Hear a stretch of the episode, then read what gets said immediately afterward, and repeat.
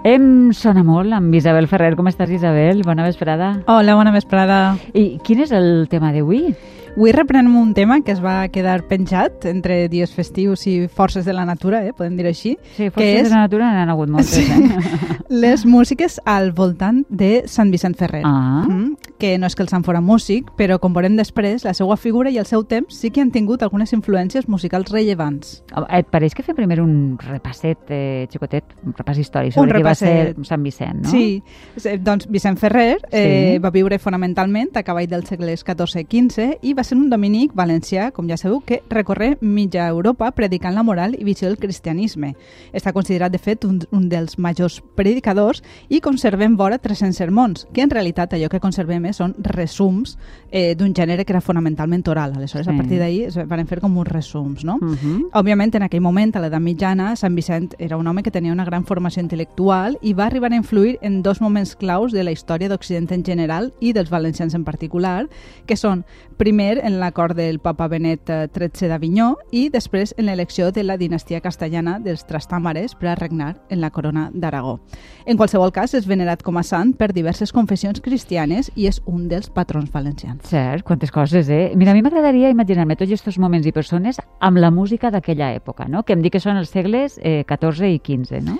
Sí, i estem en un moment molt interessant musicalment, tot i que no conservem tantes partitures eh, com voldríem, eh, perquè Ja. fa molt de temps. En tenim algunes i altres documents que parlen de les pràctiques musicals de l'època. I a partir de tota aquesta documentació fem deduccions i fem una idea de com devia sonar eh, en aquell temps la música.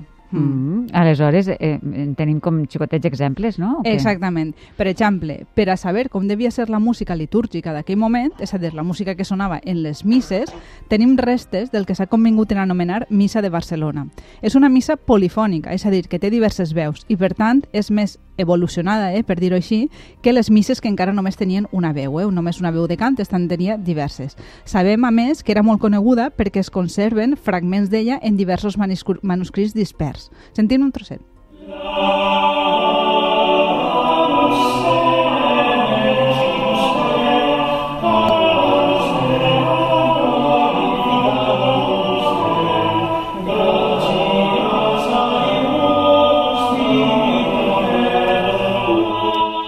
Doncs heu de pensar que si bé per a nosaltres això de cantar a diverses veus i fins i tot relacionar-ho amb l'ambient religiós, eh, que esta música ens sona com ambient Mm. religiós, Sí. és una cosa que tenim molt assumida, en aquella època, en la catedral de València, van haver de regular l'ús eh, d'aquestes diverses veus, ja que les, les consideraven a, veg- a vegades excessives perquè se n'eixia del que havia sigut canònic, eh, fins a aquell temps, que era una Ah, veu... Doncs, sí. Uh -huh. I fora de les esglésies, com era la música? També poden conèixer la música que sonava a València, en este cas en els ambients palatins, eh, en aquell temps gràcies a les cròniques que es feien de les estades que els reis de la corona d'Aragó feren a la ciutat, a València. És el cas de quan vingueren Martí Lumà i la seva dona Maria de Luna, que estigueren en, en la ciutat entre els anys 1401 i 1404. Doncs ells, els reis portaven uns músics eh, com de la cort al da- darrere, Sí. i eren, eh, estos músics eren propietaris de diferents manuscrits polifònics i eh, aleshores saben que eren músics francesos que eren un poc l'avantguarda de la música d'aquell temps. Si volies músics novedosos que feren allò, les músiques més modernes, contractaves músics francesos. Mm. I ells duien uns manuscrits que eh, equivalien en aquell temps a uns 14 sous. O sigui que feu compte de com de car era aconseguir un d'estos manuscrits. Escolta'm, 14 sous en són molts, no? Sí, sí, en són molts. I per a saber de la importància eh, que tenien estos músics que vinguen a València, hi ha una estudiosa que és Mari Carmen Gómez, que ella creu que un d'estos músics de la Capella Real ubicada a València, que s'anomenava Gracià Reinell, eh, va ser un compositor francès molt important, tan important com per a que decidiren apuntar la música que hi feia en un còdex que s'anomena Chantilly, sí? eh, perquè allí hi ha un rondó que on apareix que el va escriure un tal Gracián Reynó, que, que es pensaven que era eh, Gracià Reinell, o sigui, podia Mm. ser la mateixa persona. Ja. I podem saber com sona gràcies a este manuscrit.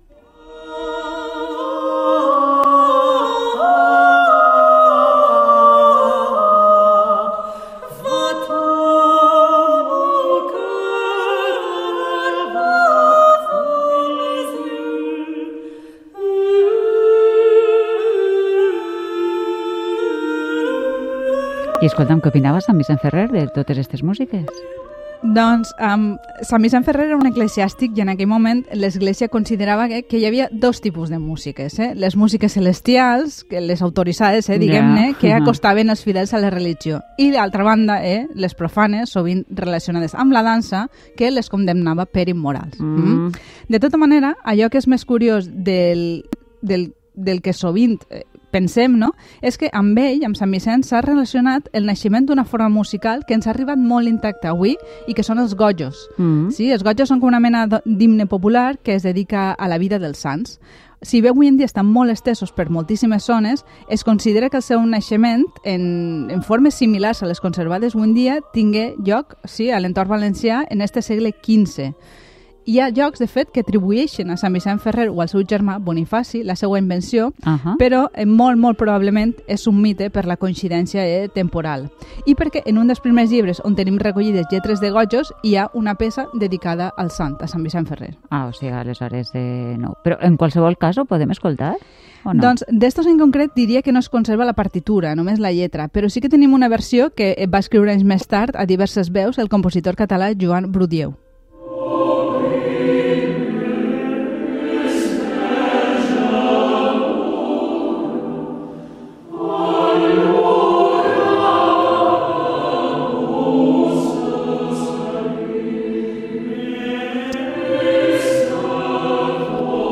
De tota manera, eh, encara que a Sant Vicent Ferrer no li agradarà del tot la música, després en les festes que li hem dedicat sí que n'hem utilitzat, hi ha hagut músiques, no? Sí, sí, totalment. Jo no sé si ell estaria molt content, però a partir de la, de la seva mort, la seva figura va començar a ser venerada, en molts casos acompanyada de música. De fet, una de les primeres restes musicals que trobem relacionades amb ell apareixen en la zona on va morir, que és la Bretanya. Ja m'he esmentat que Sant Vicent va voltar per tota Europa i la mort el va sorprendre allí. Mm. Aleshores, eh, havia estat cridat pel duc d'aquelles terres, que era Joan V, per anar a predicar, i pel que sabem, sabem que tenia molts seguidors allí, eh, com, com un youtuber, un instagramer. Mm? Simultàniament a la mort del sant, en un xicotet poble d'esta zona a la Bretanya, es va començar a construir una església que coneixem amb el nom de Nostra Senyora de Kernaskleden. Es veu que a la que era la duquesa d'aquella població en aquell moment havia presenciat en, en directe, eh, s'entén, la, la, la mort del sant i en feu una quantiosa donació per a la construcció. Ah, Fins ara, tot això no ho sabíem perquè en reformes anteriors a l'església eh, havien pintat les parets de blanc, però en una reforma aparegueren eh, unes pintures amb uns àngels músics que so sos sostenien unes partitures eh, pintades. Algunes musicòlogues se les han mirades aquestes partitures i han arribat a la conclusió que algunes d'aquestes músiques serien copiades d'un manuscrit que transportava amb ell Sant Vicent Ferrer. Ara per ara és una hipòtesi, però després de reconstruir les partitures de les pintures se les ha arribat a anomenar eh, la missa de Kernaskleden i podem escoltar-la.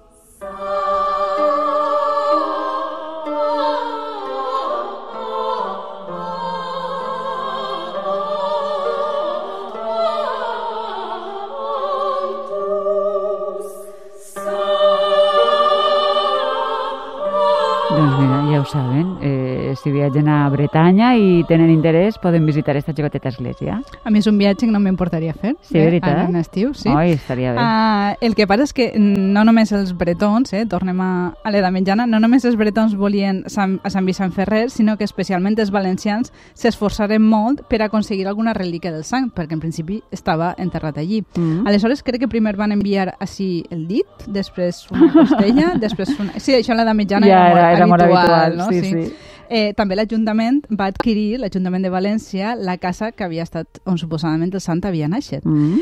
En qualsevol cas, a principis del segle XVII va créixer exponencialment la devoció que se li tenia i a partir d'aquest moment ja comencem a trobar moltes peces dedicades a ell.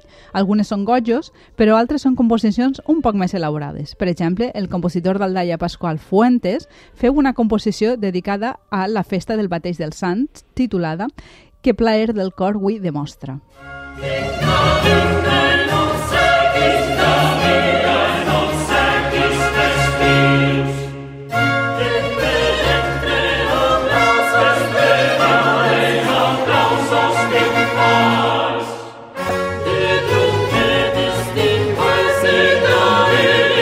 Ah, tipus de sonoritat ja ens resulta molt més familiar, eh? Sí, sí, és, és música del barroc Sí. i, i ens sona molt més familiar. I, bueno, si tenem un poc més endavant, Sant Vicent va arribar ja al segle XX, el segle passat, a dir nostre, però el segle ja és el segle passat. A això van contribuir alguns autors teatrals que escriviren alguns dels famosos miracles eh, per a ser representats per els xiquets.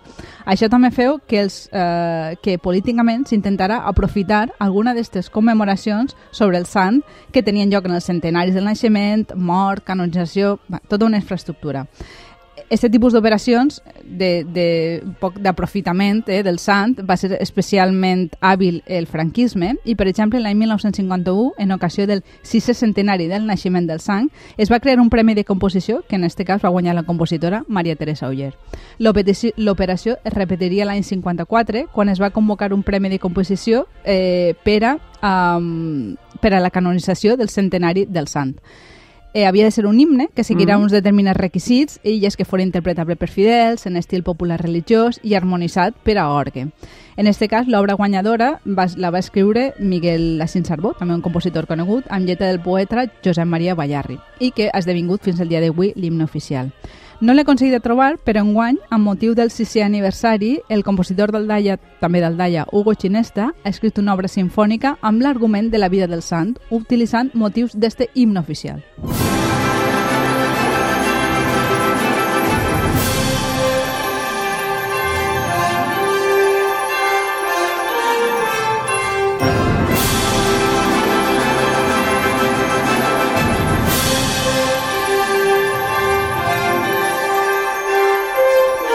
Això sona molt de pel·lícula, no? Totalment, Vull dir, sí. això farà que, que tinga més, més adeptes encara el sant, que ja més en té, adeptes eh? encara, sí. I en té molts, no, igual no tant de pel·lícula, però en les músiques de la tradició popular, que en tenim moltíssimes que parlen de la vida del sant, com per exemple esta que canta Pep Quimeno, el Botifarra. A la Verge del Roser demane favor i ajudar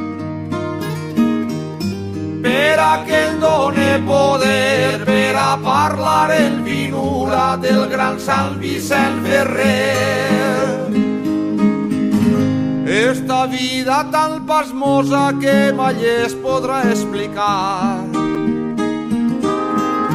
siguen tan dificultosa i m'hauran de perdonar si es falten alguna cosa.